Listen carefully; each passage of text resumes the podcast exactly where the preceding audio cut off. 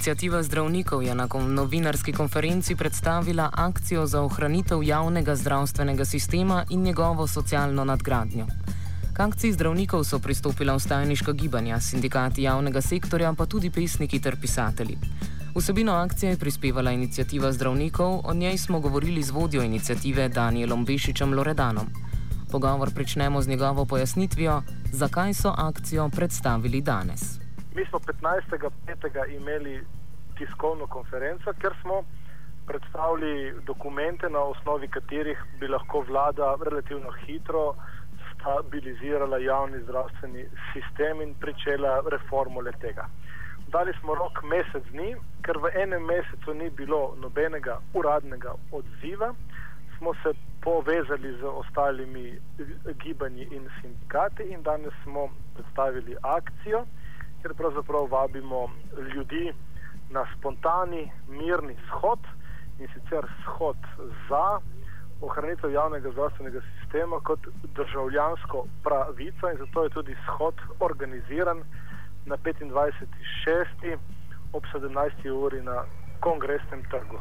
Danes smo samo na kratko predstavili argumente, zakaj in pač želimo, da se ljudje uh, zavejo, da vkolikor enkrat sistem, javni zdravstveni sistem razpade, nikdar več ne bomo sestavili takega, kot je danes, se pravi široko in javno dostopnega. Sami ste že omenili, da ste jim poslali, se pravi Ministrstvo za zdravje, eh, nekaj obsežen dokument. A nam lahko recimo pojasnite za naše poslušalce, se pravi, kaj je, kaj bi vse vseboval ta uh, dokument? Dokument v bistvu gre za štiri dokumente. Dokument uh, opredeljuje ureditev javnih naročil v zdravstvenem sistemu, dokument na načelni ravni eh, predstavlja možnost neke nove organizacijske scheme zdravstvenih zavarovanj.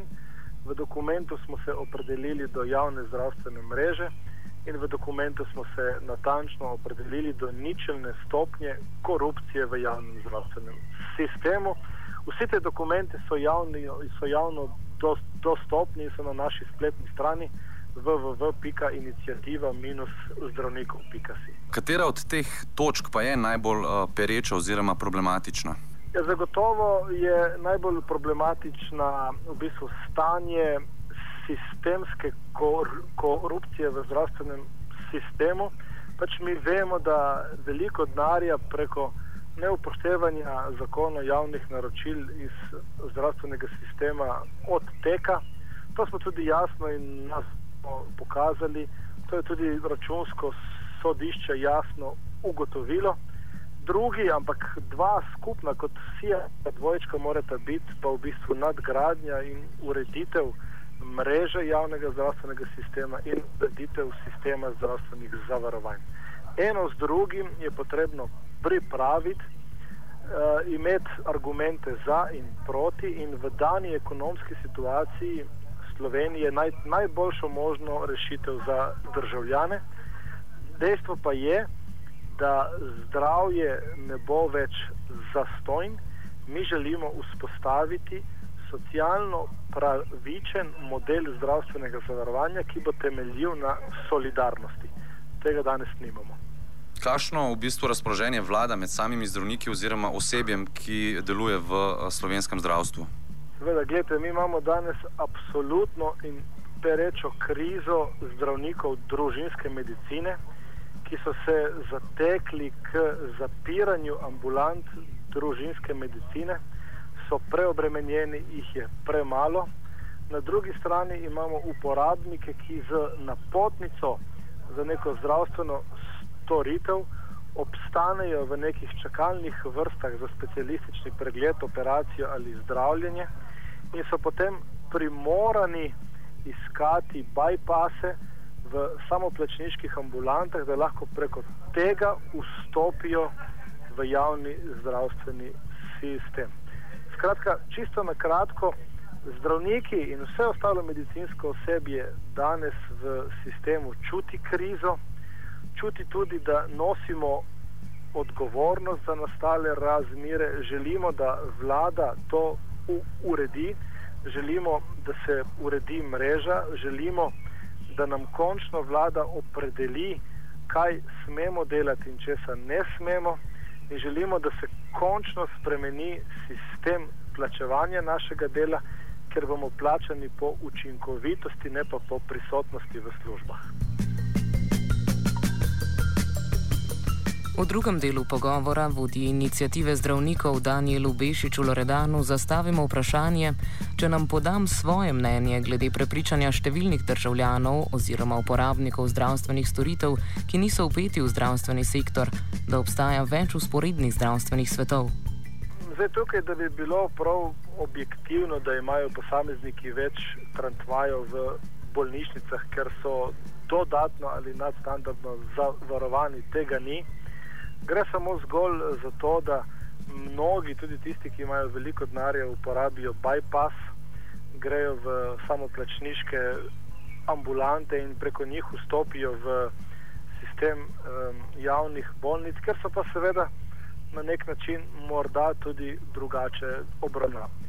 Ampak naša, naša želja je, da se loči, kaj je javno zdravstvo, kaj je privat zdravstvo da se napišejo jasna sistemska pravila igre in da vsak uporabnik ve, kaj je tisto v zdravstveni košarici, kar bi za obvezno zdravstveno zavarovanje in kaj je tisto, kar bo treba v prihodnje doplačati. Tako bomo varni kot uporabniki in varni bomo tudi kot uh, v bistvu uh, tisti, ki nosimo odgovornost za delovanje zdravstvenega sistema. Zdaj nimamo niti eno, niti drugo, imamo en čuden mešani sistem, eno čudno sivo cono in če tega zelo v kratkem ne uredimo, se bojim, da bo res prišlo do kolapsa javnega zdravstvenega sistema, ki ga bo potem ne mogoče spet sestaviti v taki obliki, kot je danes. Gospod Daniel, če nam lahko pojasnite malo več, zakaj pravzaprav um, se vse več zdravnikov uh, odloča za uh, neke vrste privatnih ordinacij? Ja, zdaj, tukaj je vprašanje, ki je mogoče nekoliko težje, ampak eh, zdravniki v javnem zdravstvenem sistemu nismo cenjeni po delu, ki ga opravimo, nismo cenjeni glede na storilnost in kakovost svojega dela, ampak smo del nekega sistema, mislim, da je potrebno relativno hitro, kot rečeno, urediti mrežo javnih zdravstvenih, mislim, javno zdravstveno mrežo in postaviti nosilce, spremeniti plačni sistem in ločiti. Zdravnik, ki bo v javnem sistemu, mora vedeti, koliko bo za svoje delo nagrajen, sistem je varen. Vsi ostali zdravniki, ki pa želijo biti finančno na bolj ugodnem položaju, pa morajo imeti možnost dela v nekih privatnih centrih, ker seveda veljajo čisto druge zakonitosti zdravljenja. Gre za to, da je sistem postavljen na glavo od zdravnikov kot nosilcev odgovornosti, terja izjemno odgovornost, na drugi strani je pa čisto vseeno, ali ti na letni ravni kot kirurg, recimo, narediš 20 ali 250 operacij, tvoja plača na koncu leta je ista. In to je tisto, kar sili zdravnike, čisto eksistenčno, da se zatekajo v neka dodatna dela, v odpiranje ambulant, zato da mo, si morda lahko privoščijo nekaj več, oziroma da sebi in svoji družini zagotovijo eksistenco. Če bi lahko uh, za konec še malo spregovorila o teh številkah, ne, koliko se na leto obrne v samem zdravstvu, potem kot navajate, da se vsako leto izgubi uh, v slovenskem zdravstvenem sistemu do 500 milijonov evrov. Tako. In kot navajate, je to neke vrste cena uh, te privatizacije in pa komercializacije zdravstva na eni strani, ter pa korupcije in pohlepa posameznikov na drugi. Tako, ja. ja, tukaj je nevarnost, na katero inicijativa zdravnikov opozarja, je ta, da vsa ta leta imamo vsako leto na razpolago 3 milijarde 100 do 3 milijarde 300 milijonov evrov. In če se vsako leto izgubi 300 do 500 milijonov evrov in ta denar, javni denar, konča na privatnih računih, si lahko predstavljamo, da je interes mnogih, da se zdajšnji sistem razbije, bolj zanimivi deli bodo kupljeni strani teh istih ljudi, ki so v bistvu ta javni denar črpali skozi 15-20 let, ostali del zdravstvenega, ki je nezanimiv, tržno nezanimiv, ki pa je ključen za ohranjanje javnega zdravstvenega uh, sistema in za ohranjanje javnega zdravja ljudi, bo pa životaril v rdečih številkah. To je resno opozorilo. Po našem mnenju gorijo že rdeče luči in samo ljudje, samo mi, samo državljani Republike Slovenije lahko to ustavimo, da preprečimo divjo privatizacijo in tajkunizacijo zdravstva na račun denarja, ki se ga je skozi 15 let počrpalo iz javnega zdravstvenega sistema. Mi nimamo nič proti, če se naredi mreža, pa če rečemo 80% zdajšnje javne strukture bo javne, 20% bomo pa prodali znanim investitorjem za zelo drago ceno in ta denar bomo investirali v javni zdravstveni sistem. Tega danes nihče ne omenja in to je napačno. Ne? Te stvari, kot rečeno, moramo ločiti. Kaj želimo v Sloveniji, kakšen zdravstveni sistem in vendarle tudi v zdravstvenem sistemu moramo omogočiti en del kapitalu, da v bistvu vstopi v sistem, ampak strogo ločeno od javnega. Država mora ločiti javno zdravstvo in pravico do zdravljenja kot nekaj, kar je državljanska pravica, vsi ostali moramo pa vedeti, kaj to je in kaj moramo doplačati za neke dodatne nadstandardne storitve za preskakovanje čakalnih dob, za nadstandardno obravnavo v bolnišnicah itd. itd. Bi samo še o enih konkretnih številkah spregovoril, sicer pa ne gre tukaj za številke, vendar gre za ljudi.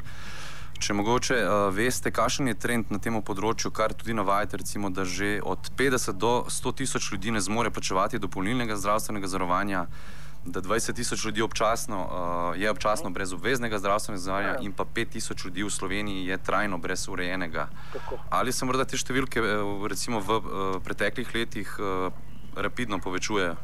Te številke so bile v preteklosti manjše, iz meseca v mesec se pa veča število tistih, ki zaradi socialne egzistence ne zmorejo plačevati dopolnilnega zdravstvenega zavarovanja in po naših ocenah, glede na zdajšnjo stopnjo revščine ljudi v Slo Sloveniji, 300 tisoč ljudi je potencijalnih, ki ne bodo zmogli plačevati dopolnilnega zdravstvenega zavarovanja.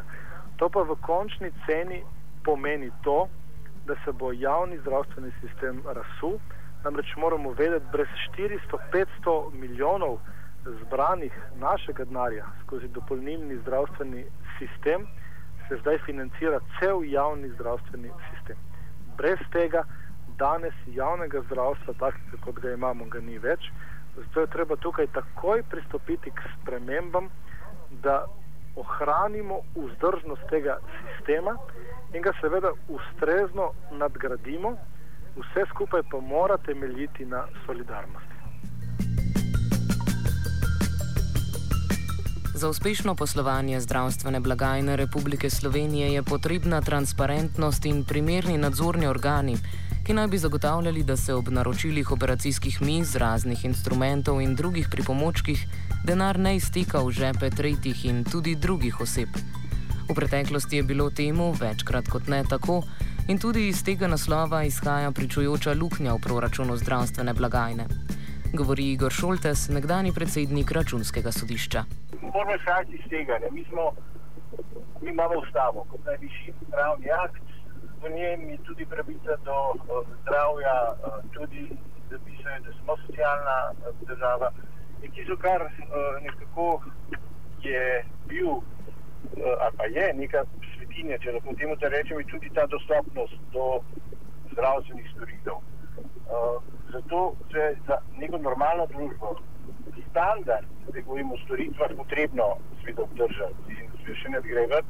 Problem, ne, ki, na katerega se izpostavlja, je pomankanje sredstev, se pravi povečevanje stroškov, ampak če po drugi strani ne, govorimo o teh predragih investicijah, o preplačeni opremi, ne, to pomeni, da vsekako rezerve so. Ne, in pozarjam na to, da pa uh, ne more biti pa to, da je pomankanje sredstev ne, tudi v času krize tisti edini razlog ali pa vaba, na, na podlagi katerega bi pa absolutno začel govoriti o privatizaciji zdravstva kot enem, če rečem, civilizacijskem dosežku, kar nekateri radi uh, podarijo. Predvsem zato, ker uh, je jasno, ne, če v Sloveniji torej ni sredstev, če ni denarja, če ni svežega kapitala, kdo bo torej tisti, ki bi privatiziral slovensko zdravstvo. Tukaj so pasti, na katere je treba pozoriti, da normalno delovanje neke družbe je zdravstveni sistem, ki je urejen, pregleden, nujno ali pa ena sinja kanon predpostavka, brez katere seveda si ne moramo predstavljati normalno delujoče družbe. Offside je pripravil Luka Počevalšek.